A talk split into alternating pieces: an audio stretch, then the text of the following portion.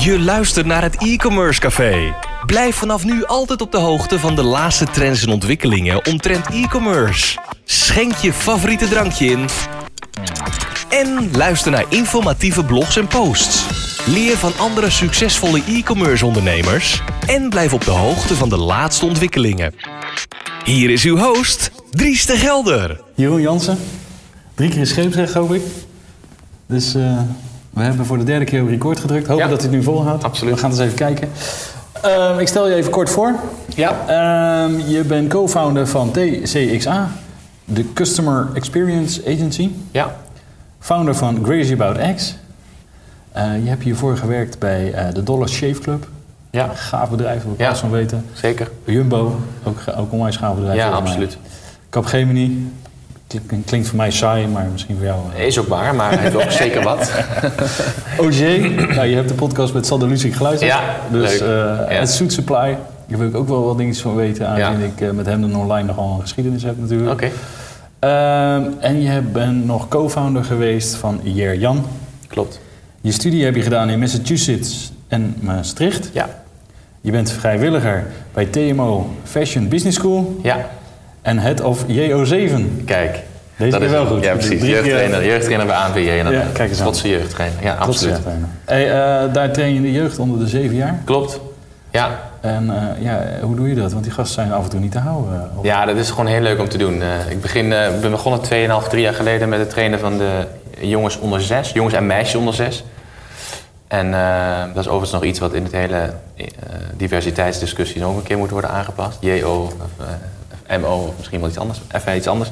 Eh, nee, dus het is ontzettend leuk. Begonnen bij de leeftijd van 6, nu zit ik bij 7. Het is superleuk om die ontwikkelingen van die kids te zien. En zoals ik al aangaf, eh, ik denk dat ik daar in managementlessen de afgelopen 2,5 jaar meer heb geleerd dan, eh, dan in het bedrijfsleven.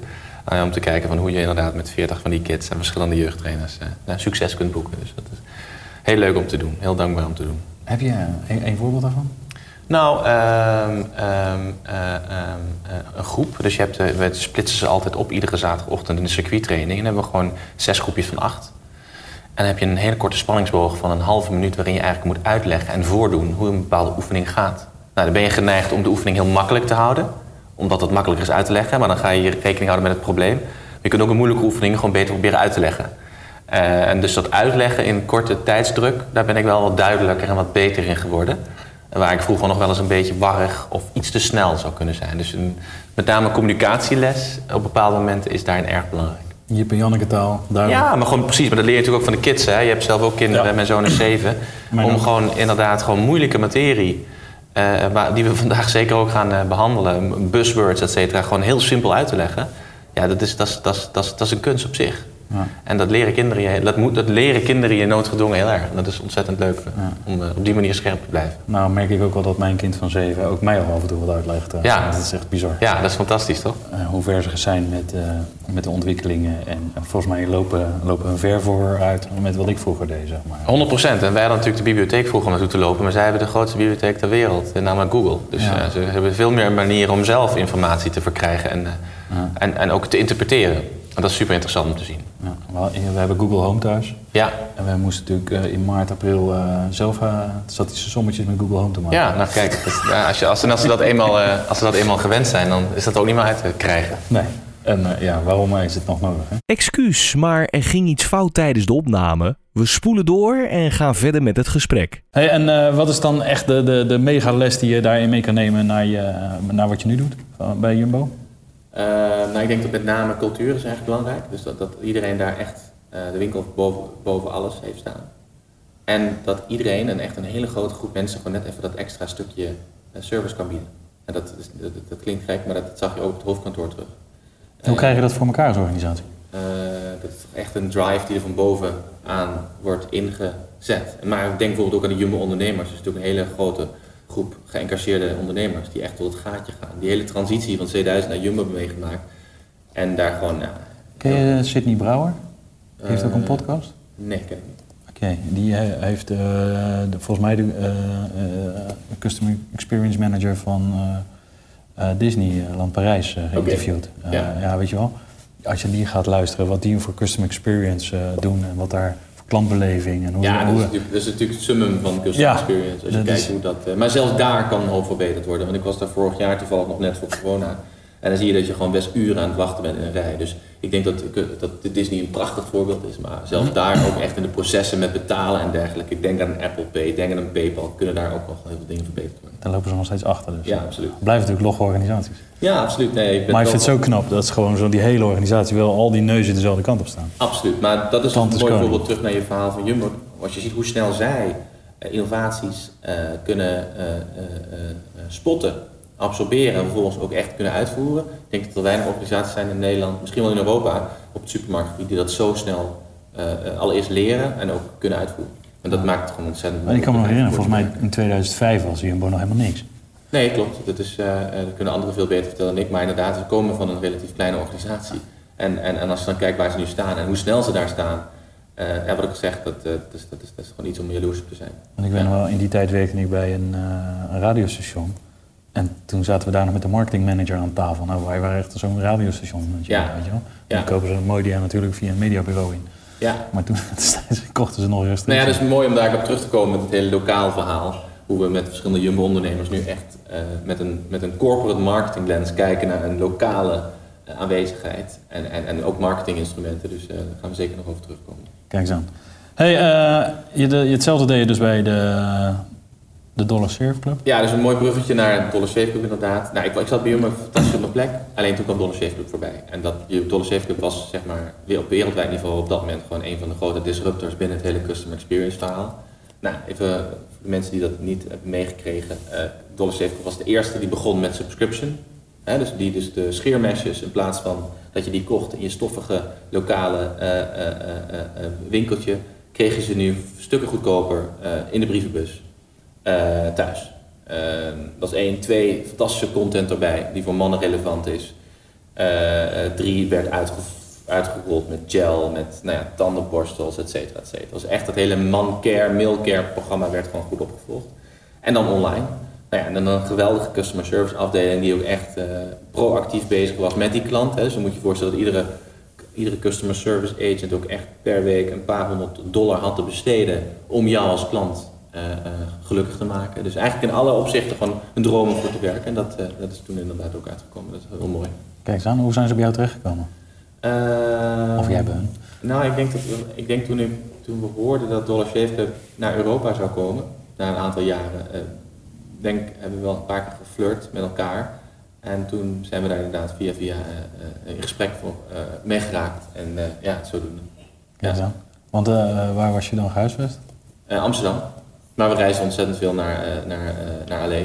Eh, maar de focus voor ons was Europa. Inderdaad, ja. Oké, het hoofdkantoor voor Europa zat in Amsterdam. ja, exact. Kijk aan, gaaf.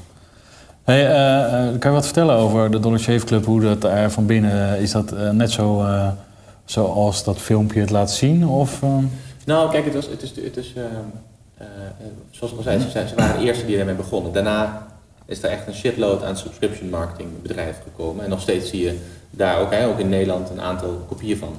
eh, die wel of niet succesvol kunnen zijn, eh, daarin zijn. Ehm, eh, wat, wat, met, wat met name interessant is, is als je vanuit een uh, Capgemini, Jumbo komt, toch grote organisaties, zie je dat zo'n bedrijf als Dollar Shave vele malen kleiner, maar ook nog steeds miljoenen klanten wereldwijd, zeker niet de kleinste, gewoon heel kort de bal speelt. En op het moment dat er bij wijze van spreken door shipping ehm, probleempjes via customer service eh, eh, iets binnenkwam in het bedrijf, ging dat direct binnen een uur het hele bedrijf door. Moest dat gewoon, moest iedereen alles uit zijn hand laten vallen om dat te verbeteren.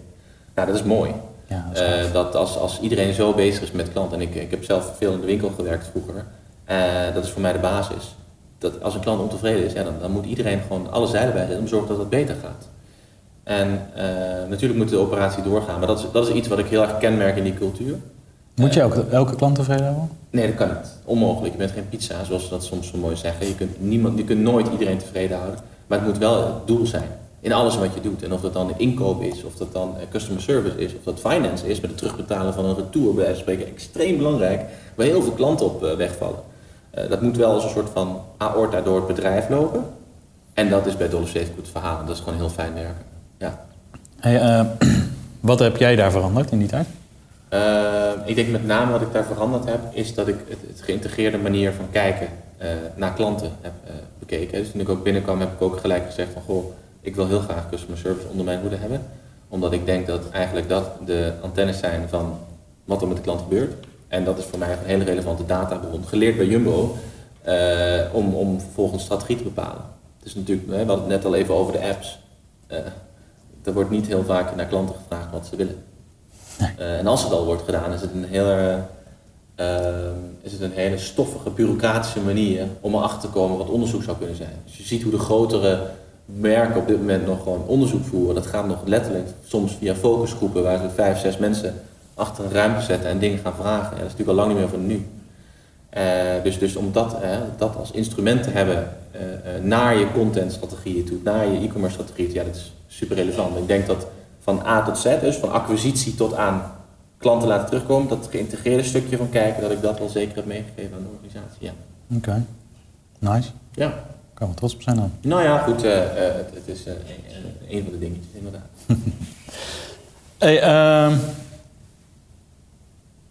retailers laten op dit moment veel kansen liggen, zeker nu tijdens corona. Ja. wat is jouw visie erop? Nou, want ze zitten allemaal natuurlijk te zeuren dat ze niet open kunnen. En, uh, of te zeuren, het is natuurlijk wel wat aan de hand. Maar... Ja, absoluut. uh, gechargeerd een beetje inderdaad. Ehm, kijk, eerst was het zo dat retailers retailers waren. Zeker een jaar of tien geleden. Toen was het zo. Was het nou eenmaal gegeven dat iedere zaterdag die winkelstraten gewoon vol liepen. En dat je je omzet op donderdagavond, zaterdag en een goede kop zondag gewoon kon binnenhalen. Vervolgens kwamen natuurlijk de e-commerce stores. De online pure players zoals we ze noemen. En dat werd gezien als een grote bedreiging. we hebben de hele discussie waar we het vorige week ook even heel kort over hadden. Uh, uh, tussen de grote merken die retailers willen zijn, de retailers die opeens een merk willen hebben om de marge te kunnen pakken en die hele strijd ertussendoor. En hebben we het niet eens over de marketplaces die daar overheen komen om beide processen te kunnen faciliteren. Nou, waar retailers met name zagen dat die e-commerce pure players echt een um, soort van bedreiging waren, zag je de laatste vijf jaar eigenlijk dat die een beetje door elkaar heen begonnen te dansen. En daar ontstonden sommige succesvolle concepten uit. Uh, maar ook niet. Ik noem een bol.com en een Albert Heijn, dat is een mooi voorbeeld. De enige integratie die bol.com en Albert Heijn ooit hebben gehad de afgelopen vijf jaar, dat was een blauwe car die bij de servicebalie staat, waar je je pakketjes kon afhalen van bol.com. Nou, het, waarschijnlijk allerlei redenen. Maar het feit dat dat zelfs in de corporate wereld niet lukt, wil ook zeggen natuurlijk dat het voor de retailers op de hoek niet makkelijk is om die synergie te vinden. En als je dan kijkt naar uh, nu, corona, uh, e-commerce uh, orders reizen de pan uit, supermarktorders reizen ook de pan uit. Mensen worden gedwongen, consumenten worden gedwongen om online te bestellen. Ja, de retailer moet daar nu in meegaan. Sterker nog, hij moet nu klaar zijn. En als je dan nu niet je online presence op orde hebt en je zit nog steeds met je handen in het haar en je gebruikt social media nog steeds als een billboardcampagne, ja, dan kun je afvragen of je die slag niet heb gemist. En zonder daar absoluut negatief over te zijn, ik denk dat heel veel retailers daar nog niet de juiste, uh, uh, nog steeds niet de juiste papieren gevonden hebben om daar relevant te zijn. Nee, mee eens. Ik, uh, als ik het even terugkijk naar, naar mezelf en naar mijn ja. vader, zeg maar. we hebben natuurlijk een winkel gehad in België. en in 2005 zei ik tegen mijn vader van, joh pa, je moet online gaan, want anders besta je dadelijk niet meer. Ja. En toen zei hij, ja, wie koopt er nou kleding online? Ja. Dus dan, dan, praat je maar over 15 jaar geleden. Ja. En uh, nou, in 2007 of in 2006 zijn we dan begonnen aan de bouw van een webshop. In 2007 was die live. Toen had je boven een R van Dorf, weet je wel, met die ja. mooie overhemdjes ja, en die kraagjes. Ja. Precies. dus ik dacht, ik zou altijd al gezien op Google dat daar veel, veel op gezocht wordt. Dus wij ingekocht, allemaal dat soort hemdjes. We hebben er nul van verkocht. Maar uh, toen zei mijn vader, weet je, want hij is wel gewoon de winkelier en laat mij dan gewoon online marketing doen en Ja. hij gewoon inkopen. Ja. Dan gaat het wel goed. En Ja. hij heeft toen gewoon, eh, nou, laten we gewoon een witte hempje eh, online zetten en een blauwe hempje. Wat al die kerels allemaal in huis hebben. Ja. Dus gewoon dezelfde maten die ze kennen. En dan, nou, vanaf toen is het gaan lopen, weet je wel. Dat, het gemak. Nu zie je wel dat mensen ook wel weer wat andere merkjes durven te kopen. En Zeker. zonder te passen. Zeker. Maar als je dan die transitie die wij gedaan hebben... en hoe moeilijk dat is om zo iemand te overtuigen... vanuit een winkel naar online te gaan. Ja, maar dat, het grap, de grap is, de grap, het gebeurt continu. Hè? Toen TikTok net groot begon te worden, een maand of 7, 8 geleden, dus toen ze letterlijk van, wat zal het zijn, 200.000 naar 3 miljoen bezoekers, eh, 3 miljoen gebruikers gingen, zag je eigenlijk exact diezelfde shift. van een groep mensen die zeiden van ja joh, dat TikTok, dat is toch niet mijn, dat is toch niet mijn, eh, mijn doelgroep. Ehm, ja, dat is natuurlijk bijzonder hypocriet om dat te denken. Want bij Facebook gebeurde dat ook. Toen Facebook net begon, was het dezelfde groep die zei ja, maar Facebook, weet je wel. Ik zit lekker op huis. Precies. Dus uh, uh, ja, het, het, verbaast mij, maar dat is alleen maar mooi. Je vroeg in het begin van, hè, merken jullie wat van corona? Dit zijn dingen die nu echt wel gewoon helder worden bij klanten. En dus, dus daar iets mee moet gebeuren. Ja. Uh, dat kan, dat heb ik niet alleen maar over de corporate wereld, maar ook over de lokale winkels. We werken veel voor jumbo-ondernemers die letterlijk op een gegeven moment zeggen van, oh, goh, ja, wij doen nu iets met social. We hebben wat uh, narrowcasting, we hebben wat filmpjes lopen op billboards. Ja, dat, dat, is het eigenlijk wel. Daar zijn we gewoon wel content mee. Maar ja, dat is natuurlijk niet de realiteit. Die klant loopt met social door de, door de winkel. Die klant zit thuis te wachten op een coupon. Nou, die uh, fysieke brochure of, of die fysiek komt niet meer. Er zijn zoveel mogelijkheden. En dan zeker als een gemiddelde supermarkt heeft natuurlijk duizenden bezoekers per week. Die klant heeft, is ook een reis aan het maken. Zit thuis, uh, komt niet meer naar een restaurant, wil zelf koken. Ja, een betere tijd om zo'n klant te inspireren dagelijks met goede content is er niet geweest. Nou ja, dus uh, zoveel mogelijkheden. En uh, goed, misschien is dat ook wel, is dat ook wel weer de hele uitdaging aan het verhaal. Hmm. Dat je dus in iedere tijd wel weer de cynici hebt die zeggen, ah joh, weet je, gaat het nou wel gebeuren? Ik denk, als je kijkt naar klantgedrag, als je praat met klanten, zie je al dat het al aan gebeuren is. En, en dan is het aan jou als ondernemer, als retailer, om daar gebruik van te maken. Kijk. Is het dan, uh, zou, uh, zeg maar, ik zit even gewoon uh, iets te denken ineens. Zou zo'n Jumbo-winkelier of welke supermarktketen dan ook, als die een app hebben en Jumbo kan dat faciliteren, denk ik. Gewoon dat je gewoon kan kijken welke tijden het druk is. Zodat je met corona gewoon dat je in rustige tijden terecht kan. En... Maar dat, dat, dat, is, dat is een voorbeeld. is dat er al? Of? Dat is nog niet. maar, maar dat is zo makkelijk. Dat is, dat is volgens mij weet ik niet, maar ik, ik, denk dat dat een hele relevant is. We hebben daar een tijd geleden ook met een grote kroegen, café-instanties in Duitsland over gesproken. Dat het gewoon überhaupt los geen corona fijn is om te weten hoe druk het ergens is. Want het is altijd dezelfde beweging dat mensen ergens naar binnen komen en iets waarnemen wat ze ook online thuis kunnen doen. Maar dat is een voorbeeld. Kijk, er loopt zoveel kennis in die winkels rond. Je had het net over jouw vader, die dan echt, hè, wat je zegt, de winkelier. Ja, weet je, als je, als je een dergelijke persoon als jouw vader op dit moment vanuit een lokale winkel uh, drie keer per dag een half uur een livestream laat volpraten op Facebook of Instagram met zijn passie over de producten, ja, dat fits like a glove, weet je wel, dat is perfect. Zoals, zoals dat, dat, dat versterkt heel erg de, de vakmanschap van je vader.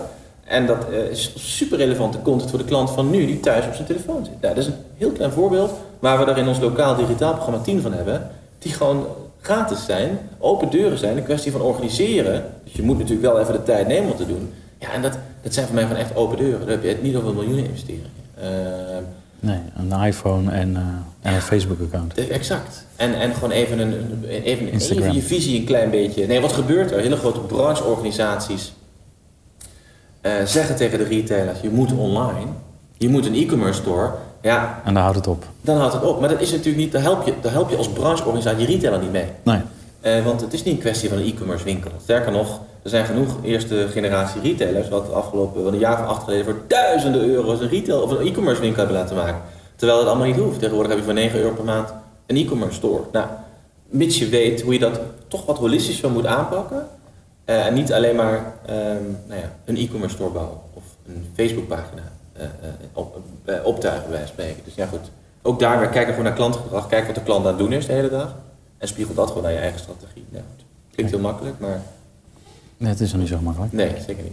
Hey, uh, even naar uh, Crazy About X. Ja. Uh, heb je, komt er ook een webshop? Nou, het leuke is natuurlijk dat we nu niet alleen maar de verpakking hebben gekeken, de branding hebben gekeken en het hele geïntegreerde stukje. we hebben ook gekeken naar distributiemodellen. De realiteit is natuurlijk dat 95% van alle levensmiddelen nog steeds in stenen winkels wordt verkocht. dat gaat misschien, misschien wat minder worden de komende periode, maar uiteindelijk is dat nog steeds de realiteit. Maar misschien een abonnementje. Uh... Exact. Nou, dat, was natuurlijk de, uiteindelijk was de bedoeling natuurlijk dat, uh, of, dat de eerste instantie was natuurlijk van hoe leuk kan het zijn dat je de wekelijks gewoon je Crazy About X eierdoosjes uh, thuis krijgt bezorgd. En in de eierdoosjes moet je je voorstellen, had het al even kort over de QR-code, maar we hebben ook een magazine, dus geen magazine, maar een magazine, waarin iedere twee weken fantastisch leuke spelletjes staan. er komt in februari een app waarin je dus ook echt een soort van Tamagotchi met de kip kan spelen. En eigenlijk alle functionele, maar ook hele leuke uh, uh, functionaliteiten kunt doen. Gamification. Precies, weet je, wat gewoon voor kinderen heel leuk, heel leuk is. Ook tijdens het winkelen. Dus Hey, ook- je had het al over de barcode. ja, Ehm, ik heb- ben vorige week bij een experience center geweest in Arnhem. ja, eh, gefinancierd door de Rabobank. ja, En eh, die hebben nu iets nieuws ontwikkeld. Ik weet niet hoe jij ziet met je barcode. QR-code, ja. Ja, QR-code. Ja. Kan jij daar... Oh, een QR-code is wat anders dan een barcode natuurlijk. Eh, het is alle twee een code. Het, het, het principe is hetzelfde. Oké, maar ik heb het nu over de EAN-code, zeg Oh maar. ja, helder. want die heb je ook nodig. Absoluut. Eh, maar jij kan aan een EAN-code niet zien wanneer de houdbaarheidsdatum van je ei is. Nog niet. Hun hebben dat al helemaal... Nou, het- en, en dit is een kwestie van faciliteren, van infrastructuur. Eh, op dit moment is het zo, om even op jouw EN-code in te haken. Maar dat betekent dus ook dat je gewoon, bij wijze van spreken, weet je wel, als je dat ei pakt en je scant hem, dat, je, dat deze goedkoper is, omdat die, weet je wel, dus die winkelier hoeft dat allemaal niet meer aan te passen. En je kunt die keten heel erg zichtbaar maken. Ja. Eh, eh, dat is relevant. Dat is, een- dat is bijvoorbeeld een heel relevant iets waar, klant, waar je klanten echt blij mee maakt. Want nu, Nederland is het enige land in de wereld waar de doos nog open is. Sorry, waar de mensen nog echt kijken naar wat de eieren eigenlijk doen. Nou, ja, in Korea en Seoul, wat ik al eerder vertelde, is alles gewoon gesealed. Dat mag dat niet. Eh, we doen dat. Wat we precies zoeken, weten we niet. Behalve dat we natuurlijk geen kapotte eieren willen. Wat ik wilde zeggen, de code op de eieren is heel relevant. Hè? Dus de code, de 0, de 1, de 2, de 3, geeft echt aan waar het ei vandaan komt. Nou dat kun je dan op dit moment opzoeken eh, op een een of andere overheidsgesubsidieerde eierwebsite, die dan vervolgens naar een non-responsive Duitse site wordt gezet. En daar kun je dan kijken waar je, ja, allemaal van die journeys binnen dat product wat gewoon niet, wat gewoon kapot zijn feitelijk. En die moet je maken. Maar heel veel bestaande infrastructuur, zoals een EAN-code, een QR-code, eh, een dergelijke code op de ei, daar kun je gewoon heel veel goede dingen en leuke dingen mee. Geloof jij al in, eh, want eh, dat, in die future store daar zo, daar loop je binnen, zeg maar, kan je alles pakken wat je wil en je loopt weer buiten. Weet je wel? Je moet één keer, de allereerste keer met Apple Pay of iets moet je betalen en daarna is alles geregeld. Gezichtsherkenning, Ja. alles. Ze kunnen zelfs, zeg maar, al als jij daar binnenkomt lopen, eh, zien ze je, eh, weet je wel, je gelaat. Ja, Zien ze dat je een beetje depressief bent. ja, En ze weten dat jij van lekker vlees en wijn houdt. En dan laten ze ineens een, een videowall zien met alleen maar vlees en, Ja. mooie dingen en lekker wijntje erbij. Zodat jouw gemoedsrust weer wat, wat gezelliger wordt en wat vrolijker wordt. En, en ben je al vrolijk, dan laten ze weer wat anders zien. Wat, wat meer reclames. Of, ja. En als je in het pashokje staat, dan weet je of je een dames... En dan heb je een blauwe lamp en een roze lamp. Dus dan Ja. weet je of je een herenhemd hebt of een dameshemd hebt. En dat soort dingen. Ja, fantastisch. En dan loop je zo mee de winkel uit. Is geweldig, ehm, maar tegelijkertijd ook... ehm, Draagt erbij aan customer experience. Nee, het draagt zeker bij. Maar, eh, en, en ik vind het fantastisch. En, ik, en we, we- weet je, al deze innovaties eh, vinden we geweldig. Niet alleen maar nieuwe wetse innovaties, maar ook gewoon hoe kunnen we ouderwetse processen verbeteren. In de winkel, bij wijze van spreken. Ehm, maar tegelijkertijd eh, hebben we het over beacons gehad. Vijf jaar. De zogenaamde beacon. Hè? Dat je met je telefoon ergens kwam en dat er dan een pop-up kwam. Je kon een beacon onder een tafel stoppen in de winkel. En dan kwam je er langs met je telefoon met de app van de desbetreffende winkel. En dan door de, door de, eh, door de notificatie krijg je dan wat informatie over die desbetreffende trui. Nou, daar hebben we met z'n allen drie tot vijf jaar echt gigantisch overlopen hallucineren. En als je je gaat afvragen wat er op dit moment eigenlijk mee gebeurt, is dat, is dat nihil. Zelfs sterker nog, een push notification is de beste marketing truc wat eigenlijk amper nog wordt gebruikt. Behalve in nieuws of media, bij wijze van spreken. Als je gaat kijken in China, waar ik tijd gezeten heb, zie je natuurlijk dat, zie je natuurlijk, zie je dat eh, WeChat-accounts door store managers in Shanghai worden ingezet om lokale marketing te kunnen bedrijven. Dus stel je voor dat jij een Nike-winkel in Shanghai liked op WeChat. eh, en, eh, en je komt in de buurt van die winkel, krijg je gewoon gepersonaliseerde aanbieding. Gebeurt al. Nou, de pragmatiek daar tussen het praten erover en het ook daadwerkelijk doen, die spanningsboog of die, die, die uitvoeringsboog, die executieplaat is korter. En wij hebben nog wel eens de neiging in Europa en ook in Nederland natuurlijk, om jarenlang te praten over dit soort innovaties, maar toch niet te willen doen. En eh, ik denk dat dat het allerbelangrijkste is. Van gooi zo'n winkel maar vol en ga maar eens even kijken eh, wat, eh, hoe, je dat, hoe, je, dat- hoe je bepaalde processen kunt verbeteren. Oké. Heb je al zo'n push notification tool? Nou ja, eh, Ik heb volgende week namelijk een podcast met eh, Mirko eh, Zenevic en die biedt zo'n tool aan. die gaat er alles over vertellen. ja, nou goed, dat, dat is een hele goede. Dat is een hele goede tip.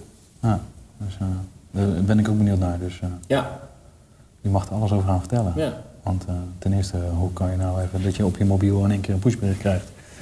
Ja, dat, dat, nou, kijk, ik heb het niet zozeer mag nog, over... het is nog geen spam. Met- kijk, als je een app hebt, is je push-notificatie gewoon een functionaliteit waar je heel makkelijk overheen kijkt.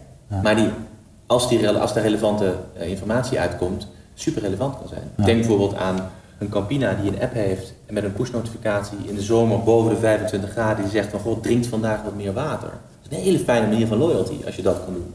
Maar dat is niet sexy genoeg om daar een hele jaarkalender mee te vullen, bij spreken. En dan automatisch neigen we weer naar de virtual paskamer, eh, eh, de beacon, de AR-bril. Terwijl heel vaak zit die innovatie ook in simpelere dingen binnen klantreizen.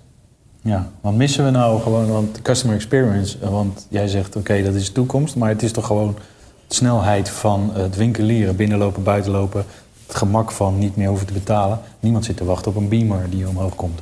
Nee, eens. Kijk, het, we werken vaak met drie verschillende lagen. Hè. Dus je hebt, zo, je foundational experience. Nou, dat is gewoon eh foundational ervaring, het fundament. Je gaat naar een groenteboer. Je komt daar voor je tomaatjes, voor je bananen. Je gaat naar de supermarkt. Je gaat naar eh, Coolblue. Je koopt daar iets en het moet gewoon binnen de juiste tijd binnenkomen. En als je een vraag hebt, binnen een enkele minuten een antwoord. Via jouw kanaal. Is foundational. Dat moet gewoon gebeuren. Punt. Dat is de basis. Eh, daarboven zit dan een, laag waarin je echt meer gaat kijken naar meer eh, experiential. Hè, je echt meer gaat kijken naar die, die kleine specialere dingen. Eh, een, extra cadeautje voor het kind. een doos inderdaad waar je een vliegtuig van kan bouwen, et cetera, et cetera. En, dan, en daarboven heb je echt die wow dingetjes. Nou ja, dat moet je in de juiste volgorde gaan doen. Je gaat niet bij wow beginnen. Als je customer service afdeling niet fatsoenlijk op orde is. Dus daarom zeggen we ook altijd van, goh, innovatie is fantastisch binnen customer experience. Maar wel over al die drie vlakken.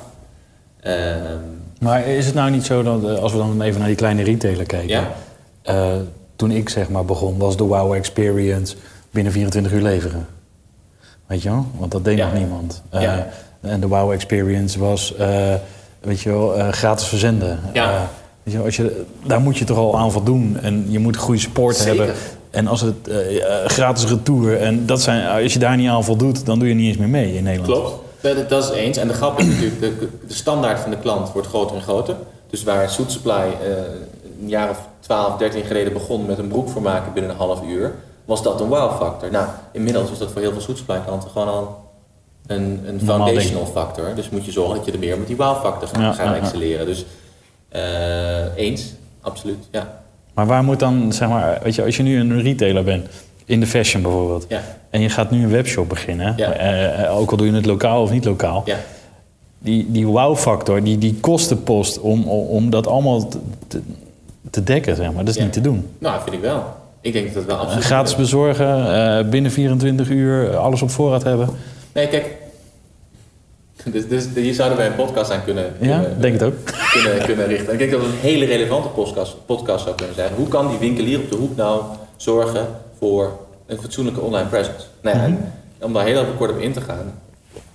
ehm, eh, begint bij een online crowd. Je gaat geen winkel openen op het moment dat je geen eh, mensen hebt die je product willen kopen.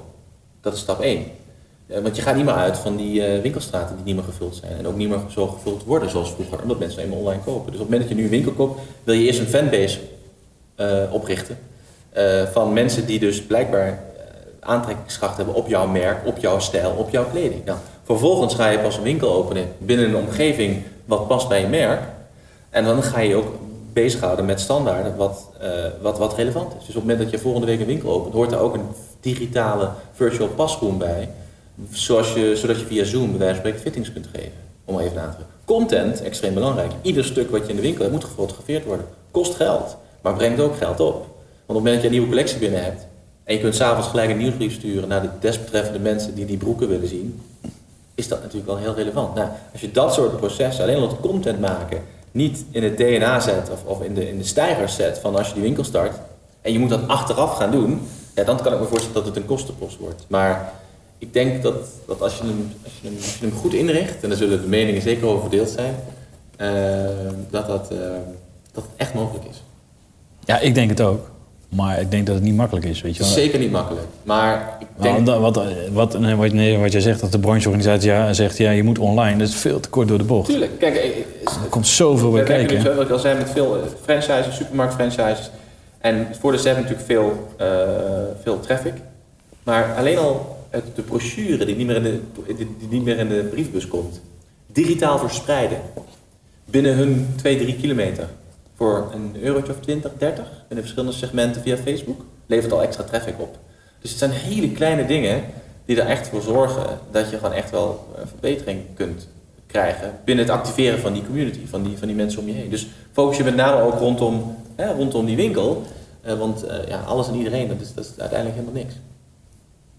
Goeie tip.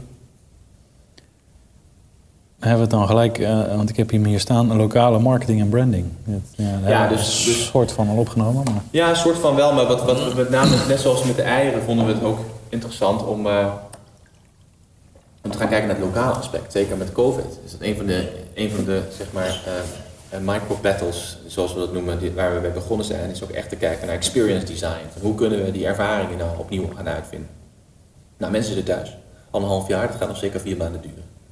Ehm, werken thuis, zitten gewoon letterlijk thuis. Dus die winkel, die dus in de buurt van, die men, van, van, van de consument zit, is, is meer, belangrijker dan ooit. Nou, hoe ga je ervoor zorgen dat die winkel en, en die consumenten met elkaar in contact komen? Anders dan eh, passief in de winkel staan en hopen dat er een klant gaat komen. Nou, dan heb je het natuurlijk over social media. Waar je dus, wat ik net al even een aantal keer aanhaalde, waar je dus echt als, als publisher heel veel leuke dingen kan doen. Je kunt mensen in de winkel drie, vier keer per dag inderdaad een livestream laten praten. Over hun interieur, over die bepaalde broek, et cetera, et cetera. Denk dan even dat je talpa bent, hè, om even een beetje om te denken. Ehm, tegelijkertijd, eh, gegevensvragen van klanten is natuurlijk ook een, eh, nog niet eh, ehm, eh, een gegeven. Hè. Loop maar een kledingwinkel binnen, er wordt, niet- altijd gevraagd naar je telefoon en e-mailadres. Bij spreken. Bij al jaar en dag krijg je een uur later een e-mailtje waarin wordt gevraagd hoe je bent geholpen. Dat is een fantastische antenne, ook hier weer voor, de, voor het winkelpersoneel, maar tegelijkertijd ook voor de klant zelf om gehoord te worden. Nou, eh, genoeg kleine manieren die we zeg maar in één lokaal digitale propositie proppen. Eh, en waar we dus ja, met, eh, met retailers en franchise mee samenwerken. Oké. Wat zou op dit moment de ideale mix zijn voor zo'n kleine retailer? Ik denk, nou dat is een hele goede vraag. Toevallig kreeg ik van de week ook al een ondernemer die zei, ja maar Jeroen, wij zijn nu eh een leuke naam, maar we zijn al bezig met een social media bureau en we doen al wat aan narrowcasting. Dus Aan wat? een narrowcasting, dus inderdaad gewoon out dus waarschijnlijk een schermpje op een billboard in een bus, in een busstation, eh et cetera, et cetera. Ja, dat zijn twee Een lokaal tankstation. Mogelijk. Ja, dat, dat, kijk, dus dat kun je natuurlijk van een ondernemer ook iets vragen dat hij even een hele mediamix in elkaar gaat draaien. Eh, maar ik denk dat de combinatie daarvan, hè, dus een leuke content creëren allereerst, het goed publiceren van die content, het goed kijken naar je segmenten, eh, bij de juiste mensen misschien ook een briefje naar binnen, Eh, het focussen op home delivery bij B2B klanten. Eigenlijk ieder segment eh, behoeven van zijn eigen manier van media. Ja, dat, is gewoon, dat, dat, dat, dat gaat uiteindelijk veel meer geld op, opleveren dan dat je blij bent dat je iets doet en een nieuwsbrief eruit gooit. En daarnaast zie je natuurlijk dat, dat de hoofdkantoren van deze wereld, van de grote retailers en e-commerce partijen, zijn vooral heel erg above the line bezig, om maar even een traditionele term te noemen. Dus tv-commercials, eh, advertenties, billboards, eh, echt, echt meer hoog over. Dat echte klantengagement, dat wordt echt gedaan in die winkel. Dus ook daar eh, volstaat niet alleen maar een advertentie in de krant, maar moet je ook op slimme manier gaan kijken hoe je dat kan aanpakken. Ja. Dus de juiste mix betekent dus niet één of twee marketinginstrumenten inzetten. In dit geval een social media content drie keer per week eh, en een narrowcasting. Maar het gaat echt om meerdere verschillende dingen.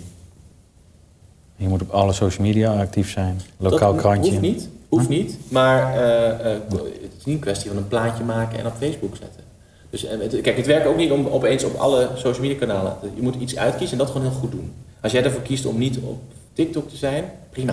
Maar dan moet je Facebook rocken. En dan moet je zorgen dat je gewoon vijf, zes keer per week fantastische content daar maakt. En ook gewoon met advertising rondom Facebook gewoon de juiste knoppen weet te raken. Omdat je natuurlijk mensen tussen de 20 en 40 met bepaalde interesses kunt raken. Dus dan moeten die ook bepaalde content krijgen. Nou dat is een complex spelletje, maar zeker niet onmogelijk. Sterker nog, heel relevant. Oké. Hey, en eh, moet je dan, eh, want tegenwoordig als, eh, ik denk als zo'n winkel een Facebookpagina begint, weet je wel, eh, organisch wordt die bijna niet meer gevonden. Klopt, goed punt. Eh, hoeveel moet hij er tegenaan gooien? Nou ja, Ja, dat kan vanaf 5 euro per dag, hè? ik denk dat met name, het gaat, om die integrale strategie. Dus wat wil je als winkel gaan doen? Ehm, Ga je, je ga je je tijd spenderen aan een e-mail nieuwsbrief? Ga je je tijd spenderen aan, een, aan, aan social media campagnes? En, wat ga je, en waar zit de doelgroep? Daar begint het allereerst bij. Kijk, wat Sander al aangaf, eh, LinkedIn is natuurlijk fantastisch voor OG. Daar Ja. kun je echt organisch gezien goed, maar ook gewoon betaald en middels campagnes geweldige content leveren. Nou, voor een, supermarkt is dat minder relevant. Eh, dus als je vraagt hoeveel moet je daar tegenaan gooien, dat vind ik geen relevante vraag. Nee, met name, wat, wat, wat is, waar ligt je prioriteit? Want anders krijg je weer dat, wat doe je dan, 5000 euro per maand of, of 500. Weet je, het gaat om wat je er uiteindelijk uit wil halen. Ik kan wel zeggen dat het creëren van content is vaak de bottleneck. Dat je dus niet de juiste personen in dienst hebt om eh, de juiste content te kunnen creëren. Ja, en eh, je dit als ik dan even kijk naar mijn vader, die staat alleen in zijn winkel. Weet je wel, die, eh, die, die- moet je met zo'n een telefoontje gaan staan en zo'n houdertje of weet wat. Ja, Die gaat dat echt niet doen. Nou ja, dat is een voorbeeld. Je hebt natuurlijk ook genoeg mensen, ik noem maar even de gemiddelde rituals klanten, staan heel, heel, heel vaak getalenteerde dames die eh, naast het bijvullen van het magazijn, sorry, het bijvullen van de winkel en het etalage maken, die va- vaak al gewoon wordt gedaan, tijd hebben om een livestream te starten. Of om goed advies te geven, of om content te maken. Ja. Dus eh, er zijn genoeg andere partijen die, ja, die in een kwestie van. eh, het, het, een mooi voorbeeld. Bij Jumbo was het zo dat we op een gegeven moment een project deden. Dat we dus de online shopmanager een week lieten meelopen in de winkel, fysiek. En de fysieke winkelmanager lieten we een week meelopen online. Oké. En dat is ontzettend interessant, want dan krijg je dus dat je dus de webshop manager die gaat letterlijk, of de store manager, of de e-commerce store manager, die ging dus letterlijk de fysieke winkel binnen. En die begon overal bij wijze van spreken schilderijtjes te veranderen. Of eh, zich af te vragen waarom eigenlijk eh, dat merk bovenaan stond. Een beetje het AB-testen zoals we dat kennen. Nou ja, en de, de fysieke store manager ging online op het kantoor eens even kijken van jongens, we- weten jullie niet eh, dat stukje over, de, als, over het assortiment? Of weten jullie helemaal niet wat AGF is? Die begon echt daar wat meer kennis. En die combinatie, that's where the magic happens natuurlijk. Ja, en ja, die heb je heel vaak, heb je die gewoon in huis. Alleen, ja, hoe ga je het inzetten? Hoe, breng die samen? Ja. Ja. En, en ook als je bijvoorbeeld in de winkel fysiek kunt gaan AB testen. Werken dingen wel, werken dingen niet. Een actie koopt wel, een actie koopt niet. Ja, weet je, diezelfde mindset vanuit online meenemen super waardevol. Heel, heel interessant. Oké. Ik ga hem hier nog gescheiden eh, stellen, maar eh, de toekomst van e-commerce. Heb jij daar een beeld bij? Nou, ik zou eerder zeggen de toekomst van commerce. En niet zozeer van e-commerce, omdat je natuurlijk ziet dat het steeds meer één wordt. Hè, de winkels die de komende jaren gaan Dan ben je, komen. dan ben je me voor. Excuses. Nee, nee, nee, nee, nee, dat is leuk. Want ik wou zeggen, wat is de toekomst van retail en de toekomst van e-commerce? Ja, Maar ehm, weet je wel, als we naar China kijken, die lopen al tien jaar voor op ons, zeg maar, eh, wat dat betreft. Ja. Daar, daar kennen ze geen eh, e-commerce, geen marketplaces. Daar kennen ze gewoon retailers, punt. Ja. En je zit gewoon met jouw winkel op een marktplaats en je zit op WeChat en je Ja. zit eh, op Facebook of op social media en je zit op een webwinkel en je bent fysiek bereikbaar. klopt. Ja. ja en je je hebt Apple Pay of Alipay daar dan. eh. Precies, nou kijk, het is natuurlijk in China wel zo dat zij gewoon de jaren 70, 80, begin jaren 90 eh, IT-slag niet hebben gehad. Hè? Dus waar wij dansen op vaak eh, eh, IT-infrastructuren, eh, die er in de jaren 70, 80 in de hele POS, ERP-wereld zijn vervolgens gevloeid naar de CRM-wereld. En nu in de ja, CDP, noemt het D- eh, DMP, whatever, wat ze allemaal willen tegenwoordig bedenken, eh, wereld zit. Dus ze zijn daar veel pragmatischer. Als je vraagt wat is de toekomst van e-commerce, met je tweede vraag, is gewoon de combinatie.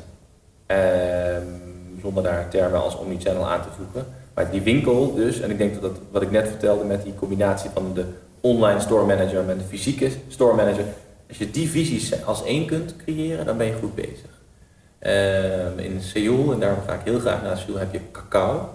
Eh, dat schrijf je, wij schrijven met een C, maar zij schrijven met een K. Dat is echt het beste voorbeeld van hoe, een, hoe de toekomst van commerce eruit ziet. Dus een social media, eh, wat, eh, wat gestart is als social media, heel inclusief, heel erg gericht op, op jou als persoon. En niet zozeer op grote audiences, die nu ook winkels aan het openen zijn.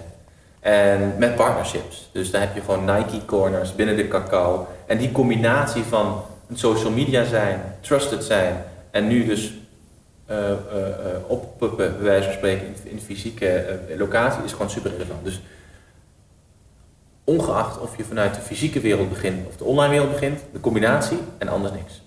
Dat is de toekomst van commerce, als je het mij vraagt. Ja, nou denk ik ook. Eh, wat is het belangrijkste marketinginstrument op dit moment? Ik denk dat de allerbelangrijkste, het is heel flauw om te gaan zeggen, goede service. Dus ik probeer mezelf te challengen om dat nog iets duidelijker te, te definiëren. Ik denk dat de allerbelangrijkste eh, eh, marketinginstrument is een cultuur. Dus dat je zorgt dat of je nou met drie man in de winkel staat, of met tien man op een groot hoofdkantoor zit, of met 5000 mensen zit, als iedereen maar begrijpt dat het om die klant gaat. En ook al besluit je als online retailer vandaag de dag alleen nog maar DM's te versturen, en je, je zegt social media, eh, vergeet het, prima, maar dan alsnog met de meest klantgecentraliseerde, klantgecentraliseerde visie. Eh, ik denk dat het niet valt te vangen als ik ga zeggen een bepaald kanaal of een bepaalde social media. Gewoon goede klantenservice en gewoon zorgen dat die klant op één staat. Dus Is jij dat, is dat te cliché? Nee, niet. Eh, ja, ja, weet je, wel, een tool had kunnen zijn e-mail marketing of social media marketing. Laat me, laat me, laat me- Maar in- dit is, vind ik wel een hele goeie, want deze hoor je niet zo vaak ook. En eigenlijk is dit misschien wel de backbone van je hele organisatie. dat is het. En, en dan is de vraag... En is het, maar is het dan een marketinginstrument? Dat is even, ja, Is dat nee. nodig? Ja, weet je, die vraag ook. Dus ja, ehm, kijk, ik denk dat we heel snel vervallen in e-mailmarketing of eh, ehm, eh, DM's of tv-commercials of noem het allemaal op. Weet je, ik denk dat er heel veel relevante tools zijn. Ik denk dat als je het hebt over, als, als ik mezelf toch even ga challengen om met één tool te komen, is sms gewoon de, een, van de meest onderschatte eh, marketinginstrumenten. Een sms heeft een openingspercentage van ongeveer 95% binnen twee minuten. Dus op het moment dat die relevant is met een juiste link naar goede content, binnen de juiste fase van die klant, na de aankoop, voor de aankoop, eh, in een fase als het al warm is, waar we het net al even over hadden, waarin je zegt drink wat meer water. SMS is gewoon, als je het goed inzet, super. Dat roepen ze al tien jaar. Ja, maar dat, dat ja, kan me niks interesseren. nee, maar goed. Kijk, het is, op het moment dat je hem nu goed inzet, goud. Zet je hem fout in, ja, dan ben je ook de sjaak. Zoals Ziggo eh, van joh, je factuur staat klaar.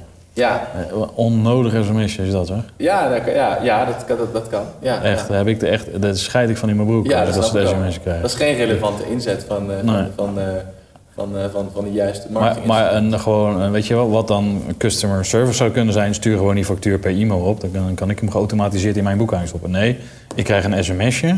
Van- Vanuit daaruit moet ik inloggen op de website om de factuur down te loaden. Dat is klantvriendelijk. Ja, mooie afspiegeling van hoe dat dan intern vaak georganiseerd is. Hè? Ja. En dan eh, bij Vodafone kan het wel. Maar Ziggo is een heel ander bedrijf, kan het niet. Ja. Mooi hè? ja. Gelijk even weer mijn ergernis. Offline bestaat het nog, heb ik hier opgeschreven. Dat bedoel ik denk ik. eh, hè? Moeten Ja. we nog op billboards en inderdaad DM'tjes en Nou ja, eh, kijk, flyers. je ziet dat de, de, de traditionele eh, reclamewereld heeft heel moeilijk. Omdat ze natuurlijk heel erg vastzitten in, die, in, die, in, de, in, de Don Draper, in het Don Draper tijdperk. Namelijk het billboard, het brand idea en niet echt dat klantengagement snappen. En daar ook niks mee doen. Eh mediabedrijven exact hetzelfde. Eh, maar offline is, dus, kijk, het is, is, zal, nooit, zal nooit weggaan. Ehm, eh, net zoals een relatie. Kijk, ik, het, een mooie vergelijking, ik weet niet wie daar laatst over begon, maar het mooiste vergelijk is gewoon, eh, eh, eh, eh, je hebt het, het- je ouderlijke huis waar je vroeger woonde. En dat is een fysieke locatie waar je, waar, waar je altijd, of je dan nog zelf woont of toegang tot hebt, of je komt er niet meer, maar je gaat met je kinderen de straat in om te vertellen waar je vroeger gewoond hebt. Eh, het is de relatie wat je met dat huis Tot hebt vervelend toe. tot vervelend aan toe. Je komt er tegen. en Het is de relatie wat je met dat huis hebt.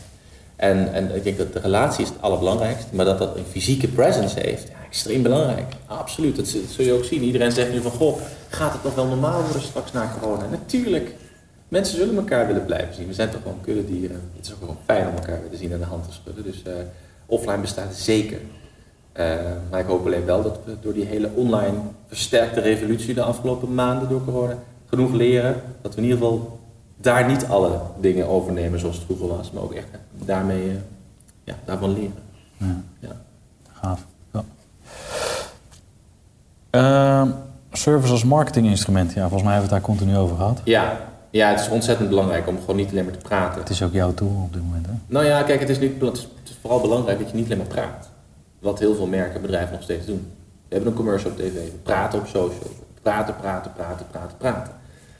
Maar als het luisteraspect, het customer service aspect in dit geval, maar ook het webcare aspect, daar niet in vermengd is, kun je geen relaties bouwen. Dat gebeurt in de echte wereld ook niet. als je alleen maar tegen je vrouw of man alleen maar aan het praten bent de hele dag. Je luistert niet wat er aan de hand is aan die kant. Valt geen relatie te bouwen. En ik denk, die combi is extreem belangrijk. Oké. Kunnen hele grote corporates dat eh, wel eh, eh, fixen, zeg maar? Kijk, Coolblue is natuurlijk een waanzinnig mooi voorbeeld hoe, hoe het wel moet. Eh, Amazon die komt nu naar Nederland. Maar weet je wel, ik heb echt customer experience gehad van echt een waanzinnig aardig mens aan de telefoon. Maar het probleem is niet opgelost. Nee. Ze hebben honderd keer er alles aan gedaan, maar die organisatie is zo groot dat ze niks binnen die organisatie gedaan krijgt. Ja. Nou ja, kijk, het is niet een kwestie van kunnen, het is een kwestie van, ik denk dat je het moet willen. De vraag is alleen, is de organisatie erop gebouwd? Kijk, Coolblue is erop gebouwd dat ze dit van begin af aan in hun proces hebben gekaderd. Dat betekent dat als jij belt en je hebt een vraag, is door jouw nummerherkenning al direct de transactie zichtbaar. Waardoor de klant, sorry, de agent van de customer service afdeling al direct drie stappen verder is. En je niet jezelf hoeft te identificeren. Wat is uw naam meneer, wat is uw postcode? Weet je, dat, dat, is, dat is ingeregeld bij hun. Eh, omdat ze daarmee begonnen zijn. Bij een Unilever stond tot een jaar geleden nog steeds een antwoordnummer op een André fles. En als je dan belt naar klantenservice, dan word je doorverbonden met een extern eh, bureautje ergens onder de rook van, wat zal het zijn, Hoofddorp. Waar dan een aantal mensen zitten vragen te ontvangen van heel veel verschillende merken. Eh, ja, je kunt je afvragen of je organisatie erop gebouwd is. Weet je? En als je dan terugreikt naar een Dollar Shave Club, ja, daar zat customer service gewoon direct bij binnenkomst. Zaten de 17 rijen dik van het hoofdkantoor, zaten daar de, de, klant- de klantagents. Nou, dus eh, Hoeveel rijden dik? 17, dus dat is een hele hoop mensen. Eh, maar, ehm, dus uh, terugkom op je vraag, is het mogelijk? Ik denk dat je het moet willen. Eh, het is heel simpel. Op het moment dat je daar niet eh, eh, klaar voor bent, dat je een probleem hebt. Wanneer is een branding succesvol? En wanneer is een branding succesvol? Ik denk, eh, kijk, een, een logo is niks anders dan eh, lippenstift. Het is gewoon een, het ziet er net even wat mooier uit.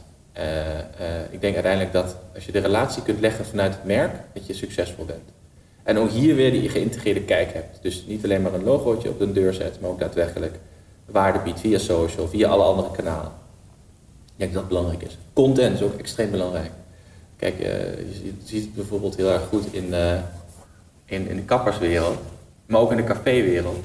Tot een aantal jaar geleden waren alle logo's daar een beetje anders, hè? een beetje toch wat traditioneel. Nou, op een gegeven moment begon die hele brandingslag te komen. De barbers kwamen, weet je wel, de, de bodega's kwamen op in de caféwereld. Nou, iedereen begon een nieuw logootje te krijgen. Uiteindelijk maakt dat het verschil niet. Uiteindelijk toch gewoon wat je dat te eten krijgt, hoe je geknipt wordt, et cetera, et cetera. Dus, nou ja, goed. Oké. Wat zijn jouw doelstellingen voor 2020? Eh, we hebben nog twee maanden te gaan. Niet veel meer, hè? Niet veel meer, maar eh, we, hebben, we, hebben, we zijn een klein bedrijf. Hè? We hebben een kleine 10, 15 mensen nu. Wij werken met heel veel freelancers samen. Ik zeg ook daarnaast de tijd van, goh, als we met grote corporates werken, van wil je ons beoordelen op het aantal mensen die bij ons werken of wil je ons beoordelen op ons werk? Hè? Dat is ook toevallig vorige maand, toevallig een beetje eh, ego-massage, maar we werden op een lijstje genoemd met beste CX, Customer Experience Agencies ter wereld. Er waren er 20.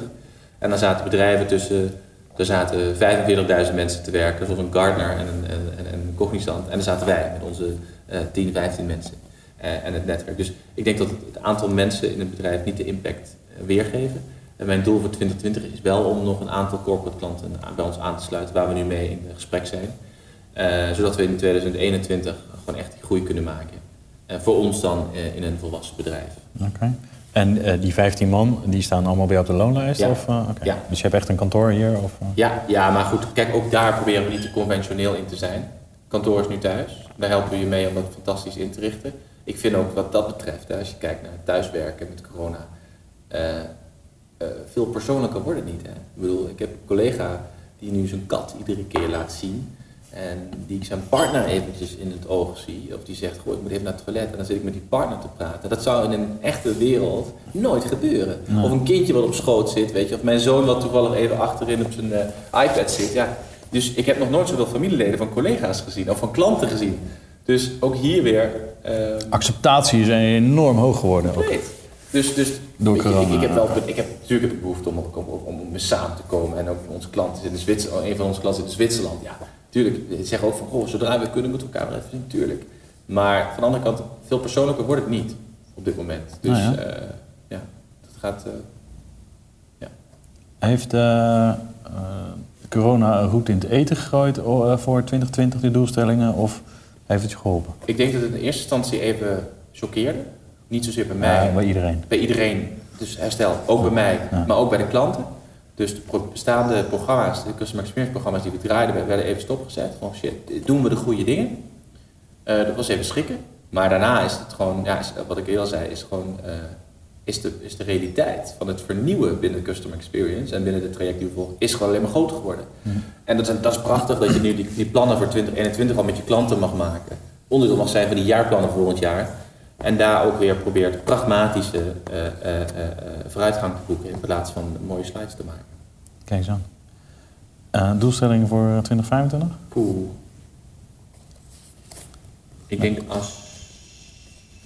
Ik, denk, ik, ik, ik, ik, vind het uiteindelijk de reden waarom we een Crazy by the X starten en ook volgend jaar weer een nieuw initiatief launchen, is dat ik het wel heel fijn vind om direct met klanten te praten. Dus dat betekent dat ik, ik, denk uiteindelijk wel ook wel weer eindig met een eigen merk. Nee, maar met TCXA, wat De is? TCXA, sta- sta- over vijf jaar zijn wij verkocht aan een heel groot reclameconcern. Omdat de grote reclamenetwerken, eh, eh, mediabedrijven zoals we dat kennen, niet in staat zijn om een dergelijk type kantoor op te zetten. Met een dergelijk type slagmensen. Maar ga je dan mee? Of? Eh, nou, dat is heel voorbarig en ook een beetje arrogant om, te om überhaupt zo al die uitspraken te doen, maar dat denk ik, als je me dat toch Ja, ja, ja, tuurlijk. En dan vind ik het prima om daar twee jaar onderdeel van te zijn. Ja? Maar ik denk dat ik daarna ook wel weer heel graag mijn eigen dingetje opzet. Oké, en geldt het ook voor Gra- de Crazy Egg? De Crazy by the X, absoluut. De Crazy the X. Ehm, nogmaals, ik eh, ben een beetje aan het luchtfietsen nu. Ja, ja, tuurlijk, maar dat, dat je, is, dat eh, je me niet te serieus neemt. Maar over, over vijf jaar is Crazy the X inderdaad verkocht aan een Unilever of aan een Procter Gamble.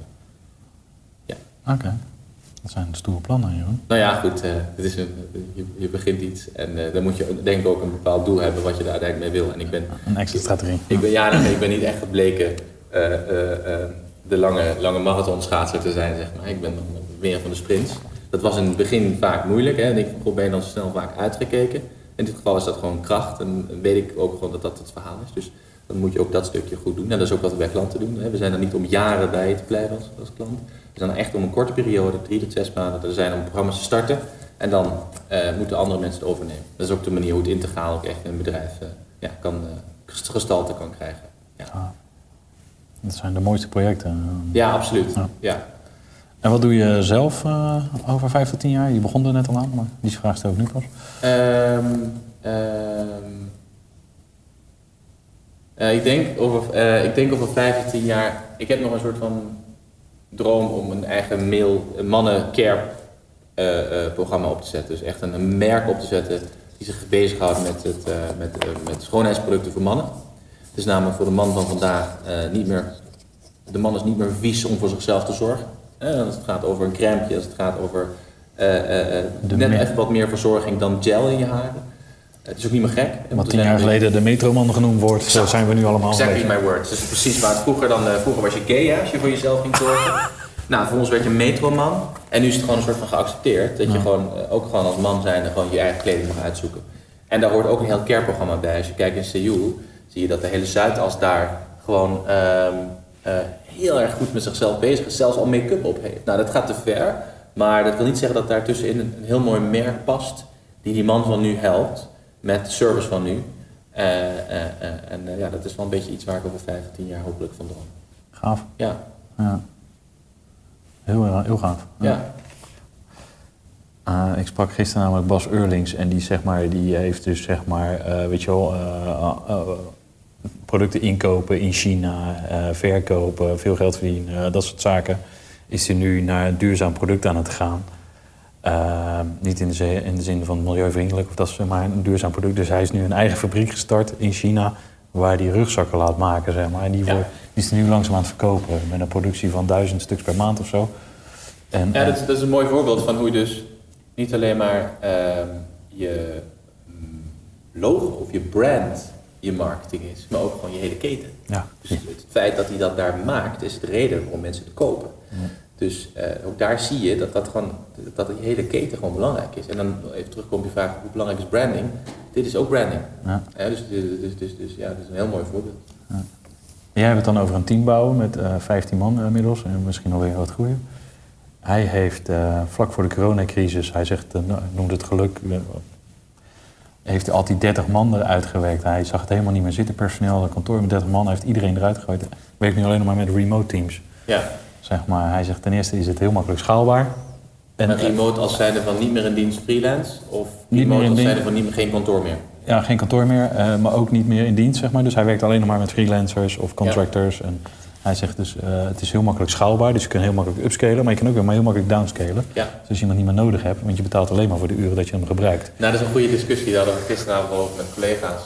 Kijk, nee, eh, mensen beoordelen je toch wel. Het was vroeger cool om te zeggen dat er 50.000 mensen bij het bedrijf werkten. Hè?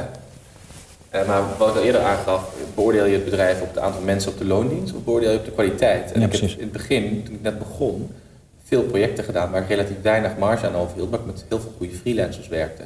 Als je de beste mensen wil, die werken allemaal freelance. Ja. De beste mensen, zeker in mijn vak, eh, werken freelance. Want die hebben gewoon een juiste, die hebben de juiste verhouding nodig in hun leven tussen balans. En willen gewoon twee maanden naar Bali of naar op reis om foto's te maken of om design technisch bezig te zijn. Ik zeg dat nu heel stom, maar dat komt Ja, niet omdat ze daar nog veel beter zijn dan ik. Eh, dus ja, essentieel. En dat is ook leuk als je dat met grotere klanten, we werken voor een hele grote verzekeraar eh, wereldwijd, die zegt, ja maar huh, hoe kan het dat je met die man hebt? We werken met andere agency, die hebben er 30.000. Ik zeg, oké, Weet je, kijk maar, eh, kijk maar naar het resultaat. Laten we het daarop hebben. En ik denk dat dat ook een beetje de toekomst is, toch? Ik bedoel, het in dienst zijn vervaagt toch ook een beetje met het hele ZZP gaan. Ik denk het wel. Ja. Hij zei ook van, het is niet alleen eh downscalebaar en upscalebaar, maar het is ook gewoon resultaatgericht. Weet je wel, presteer je niet, heb ik morgen een ander. Weet je wel? Ja, nou ja, eh, goed punt. Kijk, Performance-based gewoon alles. Absoluut. En eh, eh, een mooi voorbeeld voor ons is ons business development. Ik, ik, ik zat een paar, een half jaar geleden heel erg te denken van... Goh, wij moeten ook een, een business development team gaan hebben eigenlijk. Hè? Want die dus op zoek gaat naar, eh, of in ieder geval het behandelen kan, het kan behandelen van klanten. Maar dat hebben we geoutsourced. En dan hebben we nu twee vaste mensen die voor ons werken. Dat werkt echt als een trein. Ja. Eh, dus, dus, en natuurlijk heb je bepaalde functies die gewoon, weet je, echt het designwerk bij ons eh, in, in eerste lijn, dat zijn echt de vaste mensen die gewoon de signatuur zijn van het bedrijf. En ik denk uiteindelijk ook dat dat ook aan de accountkant dat, dat het verhaal moet zijn. Maar goed, wie het weet mag het zeggen, maar dat is in ieder geval mijn, mijn visie. Ja. Kijk eens aan. Hey, ehm, we hebben alles denk ik wel besproken. We gaan naar het vaste vragenrondje. Ja, Die heb ik nog. oké. Ik ben aan het begin eh, iemand vergeten te bedanken. Dat is Rick Maresch. Die heeft Klopt. ons aan elkaar Ja. eh, verbonden. Dus Ja. Rick, nogmaals, als je luistert of kijkt. Ik ben eindelijk in gesprek met Jeroen. Ja, gelukt. Eindelijk gelukt. Zo exclusief is het ook niet. En eh, ja, eh, mocht je dit nou een leuke podcast vinden, eh, vergeet geen review te plaatsen op iTunes. Want dat is gewoon voor ons weer heel belangrijk. Ja. Dat is mijn customer journey, zeg maar. Ja. Eh, daar meet ik het aan. Snap ik. dus vergeet hem vooral niet te plaatsen. Of die nou goed is of slecht is, want ik leer ervan. Tuurlijk, ik Ja, ook. toch? Los. Oké. Hey, ehm, vast vragenrondje. Als mensen naar aanleiding van deze podcast vragen aan je hebben, mogen ze dat doen? En zo ja, hoe mogen ze dat doen? Instagram? Oké. Die, hoor ik voor het eerst. Sorry? Die hoor ik voor het eerst via Instagram. Nou ja, ik vind Instagram gewoon een fijne... Kijk, Twitter is natuurlijk ook fantastisch. En dat- ik denk dat Twitter ook wel een spurt heeft genomen de afgelopen tijd. Maar ik ben niet zo actief op Twitter. Oké. De 90 pro, of eh, eigenlijk iedereen zegt LinkedIn. Ja, LinkedIn kan ook. Ik ben ook erg actief op LinkedIn, maar weet het niet. Ik vind Instagram ook wel leuk. Oké. Ik ben redelijk, eh, toe, ik ben redelijk toegankelijk. Hoeveel tijd eh, spendeer, eh, spendeer jij op eh, social media? Heel veel. Eh, niet zozeer persoonlijk om ehm, mijn kattenfilmpjes, ik heb een hekel aan katten, eh, mogelijke kattenfilmpjes laten zien. Helemaal niks met katten. Maar goed, Ehm, eh, daar gaan we het nu niet over hebben. Ehm, niet zozeer privé, maar echt zakelijk ben ik de hele dag op LinkedIn. En ik denk dat mensen ook echt wel een beetje moe van mij worden af en toe. Maar ik vind het gewoon heel leuk om. Kijk, ik vind het gewoon heel leuk om gewoon echt eh, al die blogs, kranten, puzzels, nou puzzels niet, kranten uit te puzzelen om gewoon te kijken naar informatie. En te kijken hoe Amazon met de jaarcijfers komen en welke innovaties uh, Unilever mee komt. En eh, hoe een eierleverancier en Bangkok bezig is met innovaties. Ik vind het gewoon leuk om dingen relevant te delen. Dus ik, ik ben heel veel op LinkedIn bezig. Ja, En toch noemde je Instagram. ja maar Instagram is meer privé. Dan. Maar dat is niet dat ik daar de hele dag foto's van maken ben voor mezelf. Oké, dat valt dus om. Dus als je het hebt over social media, ja, veel mee bezig. LinkedIn, erg belangrijk. Ja, absoluut. Hoeveel is genoeg? Nou, ik, ik, eh, ik, ik ga hem interpreteren zoals ik denk dat ik hem interpreteer. Ehm, genoeg is gelukkig zijn met hetgene wat ik aan het doen ben. En ik ben eh, eh, eh, dankbaar, ik weet niet wie, maar ik ben dankbaar dat ik vroeg genoeg, ik ben nu 33, heb geleerd dat, dat, dat het allerbelangrijkste is. En dat ik niet de komende 20 jaar mezelf eh 80 uur per week helemaal suf ga werken om genoeg te hebben. Dus ik denk dat ik het nu aan het leren ben om in ieder geval die juiste balans te kunnen, kunnen hebben. Heb je dat veel moeite gekost? Ja, ik denk het wel. Je bent toch, dat is misschien een beetje meer personal development, eh, een stukje kwetsbaar, maar ook wel weer relevant. Voor mij althans. Kijk, je bent van je 15e tot je 25e, 30e ben je toch bezig om ergens te komen. En dat vergt bepaalde capaciteiten van jezelf. Gevraagd of ongevraagd. Nou, nu, eh, ik zeg zeker nog niet dat ik er al ben, maar zit je vaak toch in andere processen die de kwaliteiten, die andere kwaliteiten vragen als die je nodig had om er te komen. Dus dat merk je vaker in eh, ruimtes met, met klanten vergaderingen. Dat is toch vaak van Jeroen, maar rustig. Eh, we zitten er al, het is al goed. Dan denk ik, oh ja, dit is inderdaad die volgende fase waar ik wat meer de rust moet bewaren. En dat is iets wat ik, ja, wat ik wel moet leren. En daarbij hoort ook genoeg is genoeg. Ja, een stukje temporiseren, consolideren, om nog wat eh, vage termen te noemen. Maar dat ben ik nu, as we speak, gewoon aan het leren. Ik denk dat iedereen wel zijn eigen leercurve heeft als hij voor de haaien wordt gegooid. Ja. Ja, dat denk ik ook. Wat is jouw favoriete podcast? Ik eh, ben een groot fan van de, de podcast eh, van de heren van Live Strong, Ride Fast. Dat is een wielrenpodcast. Ehm eh, waar Laurens ten Dam, zeg je het goed? Ja, en Thomas Dekker en anderen dagelijks De wielrenners. om de twee dagen even vertellen over, over wielrennen. Wielrennen is een grote passie voor mij.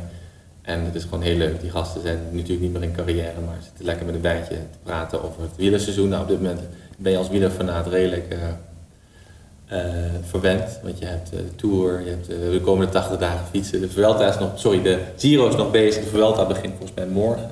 Eh, met Nederlandse toppers, dus dat is heel leuk napraten. Tennis met een wandeling s'avonds Kijk eens aan. in. Amsterdam. Wat is jouw laatst gelezen managementboek? Of luisterboek? Ja, ik denk. Eh, ehm, eh, ik ben nu net het boek eh, heb ik gelezen van eh, eh, Nike. Uit mijn Oké. hoofd Phil Knight. Ehm, zeg ik dat goed? Ik denk het wel. Het is echt een boek over de hele founder van Nike. Gaaf. Hoe hij begonnen is. Ja, dat is super relevant. Ook gewoon de basisprincipes doorzetten, pionieren. Gewoon maar doen. Ik weet niet dat ik, of ik het kan, maar ik ga het toch doen. Influencer marketing, weet je, ja, dat is niks nieuws hoor. Dat was vroeger al met atleten, want die begonnen met Nike schoenen. Ja. Eh, su- super relevant. Ja, voor mij een heel mooi boek. Daarnaast vind ik het ook heel mooi om eh, biografieën te luisteren eh, van verschillende ondernemers. Ik ben gisteren begonnen aan een serie van Vliegende Hollander. Ik weet niet toevallig hebben gezien. Het gaat over de strijd tussen Fokker en KLM. Fantastisch ook hoe die mannen vroeger, hoe de maker en de, laten we zeggen, de, de, de, marketeer samen knokken om zo'n gigantisch instituut wat nu hè, Schiphol heet, bij spreken. Ja, dat is super. Het zijn al oude, relevante lessen die nou, nu nog steeds super relevant zijn. Ja, Het is gewoon een land aan zich. Hè? ja Schiphol. gigantisch. Ja. Wat is het best gelezen managementboek ooit? Ehm, ik denk, eh, ja, ik, heb, ik ben nu heel erg geneigd om een kinderboek te noemen. Nee, Maar dat- een managementboek, hè? Nee, ja, precies, ja, precies. Nee, nee ja, ik, ik, ik, zal je heel eerlijk zeggen, ik ben niet zo echt van de managementboeken. Ehm, en ik denk ook niet Laat ik hem anders stellen dan. Het boek, waar, waar- weet je, waar- wat, wij, wat je minimaal gelezen moet hebben, anders ben je geen ondernemer. Ja, eh, vind ik ook moeilijk. Ja, ik ben heel eerlijk, want ik denk niet dat er één boek bestaat die dat... Nee, ik ook niet, maar je mag er maar één kiezen. Dat ja, is, precies. Dat is ja, precies. Dat, dat, dat, Oké, helder. Weet ik, weet ik, vind ik een hele moeilijke vraag. Misschien ik daar eh, later nog even in de comments nog even op terugkom. Maar ik, ik, ik, ben, geen, ik ben niet echt een lezer. Eh, Luisterboek mag ook, hè, als je Ja. hem geluisterd hebt. Nou, ik denk dat het boek van Nike wel erg, erg treffend is. En als je het hebt over eh, een script, dat is dus geen boek, maar een script, wat verfilmd is, waar ik echt het ondernemerschap uit kan drinken, als het ware, is The Founders. En dat is, het, eh, dat is verfilmd, en dat gaat over de eigenaren, oprichters van McDonald's. Ja, fantastisch. En dat is geweldig. Dat is, dat als je daar, daar zit zoveel in. En, eh, eh, Die, hij was net op Netflix en een paar weken later had ik per toeval René Zavelberg geïnterviewd voor de Ja. podcast. En hij is directeur geweest van McDonald's Nederland. ja. Nou tien- dus- hij heeft McDonald's Nederland van 10 naar 200 filialen gebracht of zo. Inmiddels nog meer. Kijk, het is geweldig. En als je ziet hoe daar die winkels starten en hoe dat vervolgens werd, hoe, die beur, hoe dat systeem werd ontworpen om die klant tevreden te houden. Hè. Dus iedereen zegt ja, maar ze hebben de keuken opnieuw herdefinieerd. Klopt, maar die klant, die klant moest tevreden worden. En hoe ze dat stukje hebben op, opgeschaald, dat is fantastisch. En eh, ja, ik ben gek op, dat, op die tijdsera. Dus ik, vind dat, ik denk dat dat wel een goed antwoord is. En dat laat ik aan de kijkers om eh, aan de luisteraars. Nee, maar de founder is inderdaad hele gaaf film. Ja. Ik weet niet of er echt lessen in zitten, maar Ik denk dat er heel veel lessen in zitten, maar dat is het mooie van perspectief. Ja. Toch? hoe maken we e-commerce met z'n allen een beetje duurzamer? En dan bedoel ik het milieu. Ja. Nou ja, ik denk dat Amazon er al mee gestart is. Hè. Die hebben afgelopen week een eerste order binnengekregen van miljoenen eh, e-busjes eh, in Amerika. Eh, ehm, ik denk dat Amazon er ook mee gestart is, maar ook andere grote concerns, om de winkel in te zetten als eh, ship-to-store locaties. Dus niet alleen maar de, de magazijns, maar ook echt de winkels. Ehm, ik denk dat dat een goede, goede set is om, om, daar, om daarmee, eh, om daarmee eh, eh, een start te maken. Oké, en wat moeten wij doen?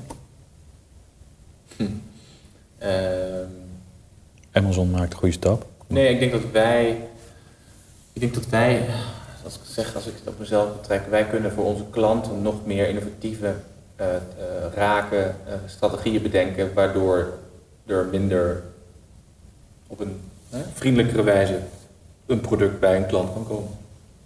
En dan moet je inderdaad denken aan Verpakkingen ook. verpakking. Verpakking is heel belangrijk. Zit zo over lucht in. Dat is één, maar vaak is het ook niet transparant. Waardoor de mensen in de winkels bij het ophalen van het pakketje niet weten wat erin zit. Dus dat er ook geen upsell gerealiseerd kan worden. Dus dan kan een klant niet drie keer hoeven te komen, maar één keer. Eh, maar inderdaad, er zijn genoeg. eh, dus dat, dat zou een voorbeeld kunnen zijn. En ik denk ook dat er al heel veel verschillende soorten distributie-infrastructuur ontstaan nu. Met een Deliveroo, met een thuisbezorgd, met een DHL, met een eh, FedEx, et cetera, et cetera. Ja, weet je, dat moet toch gewoon ook wel samen kunnen gaan uiteindelijk. En nou goed, Ik denk het ook. dat was het, ja. Hoe lang draag jij een spijkerbroek voordat hij er was in gaat? Ehm, nou, inmiddels ben ik al uit het pakkentijdperk gestapt. Dus dat, dat is één, maar geen antwoord op je vraag. Ehm, ik denk... eh, Mis je het? Ja, een goed jasje en een mooi pak. Absoluut. Ja, hè? Tuurlijk. Ik ook Kijk, dat, natuurlijk was het zo, dat is ook een van de successen van een Food Supply, dat het gros van Nederland niet een goede, een goede pak liep, inmiddels wel, door toedoen van Oceaan Food Supply. Eh, maar ik mis het zeker. Ehm, eh, natuurlijk heb je nu die hele trend waarin wordt gezegd van, goh, ja, ik draag geen pakken meer, en ik draag geen dassen meer. En dat is een beetje, een beetje tofdoenerij over dat het dan, eh, bij wijze van spreken, normaal zou zijn om in een gescheurde, gescheurde broek te zitten of de ondernemers op slippers. Ik ga daar geen slecht woord over zeggen. Eh, maar ik vind een mooi pak is natuurlijk heel mooi. En eh, eh, een mooi jasje is goed en een goed overhemd is mooi en daar moet je als man ook in investeren. Eh, anders anders word, ja, word je gewoon niet serieus genomen. Dat wil niet zeggen dat een goed t-shirt niet kan. Terugkomen op je vraag, hoe lang gaat bij mij een jeans de was in? Ik denk na een paar keer dragen. Oké.